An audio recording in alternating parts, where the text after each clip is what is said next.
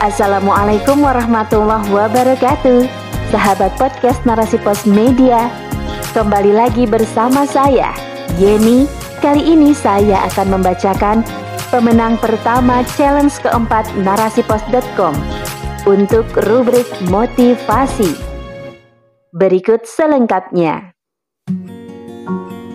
Agar toxic people tidak mewabah Dunia mesti berbenah oleh Nur Jamilah SPDI. Kecanggihan dunia yang ditopang deru liberalisasi dalam setiap jengkal kehidupan manusia menghasilkan toksik. Racun ini menjalar ke seluruh aliran darah masyarakat. Toxic system menyihir manusia menjadi toxic people. Hal ini meniscayakan bermunculannya toxic parent, toxic friend, toxic children, bahkan toxic leader. Inilah dampak dari penyakit yang tak kunjung diobati ketika telah muncul gejalanya. Dibiarkan merajai dan menjadi pandemi tak berkesudahan. Lantas, apakah kamu, orang-orang di sekitar kamu, atau bahkan kita semua pernah terpapar toxic people? Arti toksik adalah racun. Jika dipadankan dalam konteks sosial kemasyarakatan, maka toxic people bermakna orang yang menebar racun bagi orang-orang di sekitarnya. Baik secara emosional maupun psikologis. Sehingga perilakunya ini acap kali mengganggu orang lain. Hati-hati, siapa pun bisa terserang gangguan jiwa ini. Nah, sekarang bagaimana cara kita mengidentifikasi seseorang atau bahkan diri kita? Apakah terbebas atau malah terbelenggu oleh toxic people ini? Berikut gejalanya. Pertama, kerap kali melakukan self affirmation yakni memberikan penegasan pada diri sendiri dengan mengungkit kebaikan dan sikap positif yang telah dilakukan walau hanya setitik. Semisal mempromosikan diri sebagai sosok yang baik hati, jujur, berintegritas tinggi, berakhlakul karimah, dan lain sebagainya. Padahal itu semua jauh panggang dari api. Kedua, selalu merasa paling benar. Anti kritik sebisa mungkin mengkambing hitamkan orang lain agar tak tampak segala kesalahannya. Bahkan, ia lihai memosisikan dirinya sebagai korban atau playing victim. Ketiga, mengidap hedonisme akut. Kesenangan menjadi tujuan hidupnya, menghalalkan segala cara untuk meraihnya. Bersikap seolah tak ada hari pembalasan di yaumil akhir kelak. Ketika orang lain dirundung duka, dia tak ada. Sebaliknya, jika dia yang diselimuti lara, orang lain tak boleh berpaling darinya. Keempat, always become troublemaker.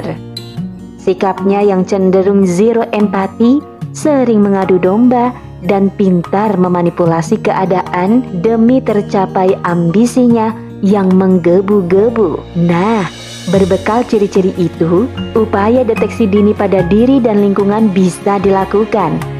Apakah kita terpapar toksik atau tidak? Tahukah kamu, fenomena toxic people mewabah seiring dengan semakin akutnya sekularisme di tengah masyarakat. Manusia merupakan makhluk ciptaan Allah Subhanahu wa taala, diciptakan fisiknya sepaket dengan khosiatul insan atau potensi manusia dan aturan Islam yang sesuai dengan fitrah manusia. Aturan Islam bukan hanya menjamin keselamatan dan keberkahan hidup manusia di dunia, pun kebahagiaan abadi di akhirat. Menyusupnya sekularisme pada sendi-sendi kehidupan masyarakat Muslim menjadikan Islam hanya sebatas agama spiritual yang mengatur akidah dan ibadah saja. Namun, membuang jauh Islam sebagai mu'alajah lil masyakilil insan atau solusi problematika manusia. Dengan begitu, manusia merasa berwenang untuk mengubah aturan kehidupannya sendiri. Inilah celakanya. Sekularisme membidani lahirnya liberalisme dalam beragama, berekspresi, berpendapat, dan kepemilikannya. Kebebasan inilah yang menjadikan manusia bebas berperilaku apa pun, termasuk watak-watak toxic people itu, walau tak lagi segaris dengan hukum syara. Menipisnya ketakwaan individu, lemahnya kontrol masyarakat, dan negara yang berlepas tangan, rontok sudah lapis demi lapis pertahanan umat. Islam memberikan arahan yang jelas dalam berakhlakul karimah. Dengan menerapkan tips berikut, niscaya seorang muslim tidak akan terperangkap dalam jerat toxic people. Pertama, menjadikan diri sebagai pribadi yang penuh maaf tidak mau mengakui kesalahan atau pantang meminta maaf merupakan akhlak buruk yang tidak disukai Islam. Tengok kembali surah Al-A'raf ayat 199 yang artinya jadilah engkau pemaaf dan suruhlah orang mengerjakan yang ma'ruf serta berpalinglah dari orang-orang yang bodoh. Kedua, tidak meremehkan apalagi merendahkan orang lain karena kemuliaan seseorang bukan karena harta, tahta, dan kepopuleran, namun dilihat dari ketakwaannya kepada Allah Subhanahu wa Ta'ala. Bisa jadi orang yang kita anggap sepele justru lebih mulia di hadapan Allah Subhanahu wa Ta'ala.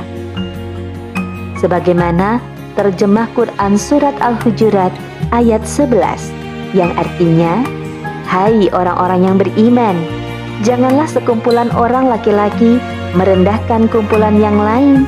Boleh jadi yang ditertawakan itu lebih baik dari mereka. Dan jangan pula sekumpulan perempuan merendahkan kumpulan lainnya. Boleh jadi yang direndahkan itu lebih baik. Ketiga, menetapkan segala aktivitas semata demi mencari keridoan Allah Subhanahu wa Ta'ala sekaligus menanamkan semangat untuk menebar manfaat bagi orang banyak, bukan malah ingin senangnya saja dan memperdaya orang-orang di sekitarnya. Rasulullah Shallallahu Alaihi Wasallam bersabda dalam hadis yang diriwayatkan oleh para imam, yaitu Imam Ahmad, Imam At-Tabrani, dan Imam Ad-Daruqutni Sebaik-baik manusia adalah yang paling bermanfaat bagi manusia. Keempat, memastikan bahwa kita tidak berbohong dan memanipulasi keadaan. Karena berbohong merupakan tanda orang munafik. Ditegaskan oleh Nabi Shallallahu Alaihi Wasallam dalam hadis yang diriwayatkan oleh Imam Bukhari dan Imam Muslim. Tanda orang munafik ada tiga Salah satunya adalah jika berbicara dia dusta. Nah, komplit bukan pengaturan Islam dalam menjaga kamu dari paparan toxic people? Mempelajari dan memahami ajaran Islam menjadi suatu keharusan sekaligus kebutuhan bagi kita semua. So, tunggu apa lagi? Segera temukan majelis-majelis ilmu yang membahas Islam kafah dan bergabunglah di dalamnya. Tetaplah ada dalam barisan orang-orang soleh atau soleha agar barisan kita semakin kokoh.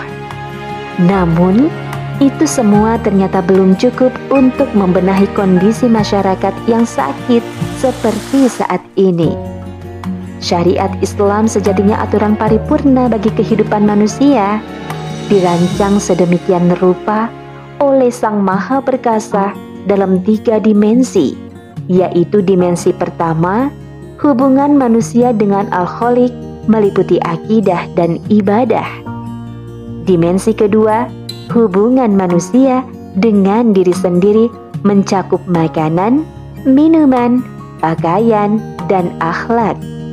Dan dimensi ketiga, hubungan manusia dengan sesama manusia melingkupi muamalah dan persangsian. Dalam hal ini, Rasulullah Shallallahu Alaihi Wasallam menjadi penyampai risalah sekaligus teladan bagi penerapan aturan Islam tersebut.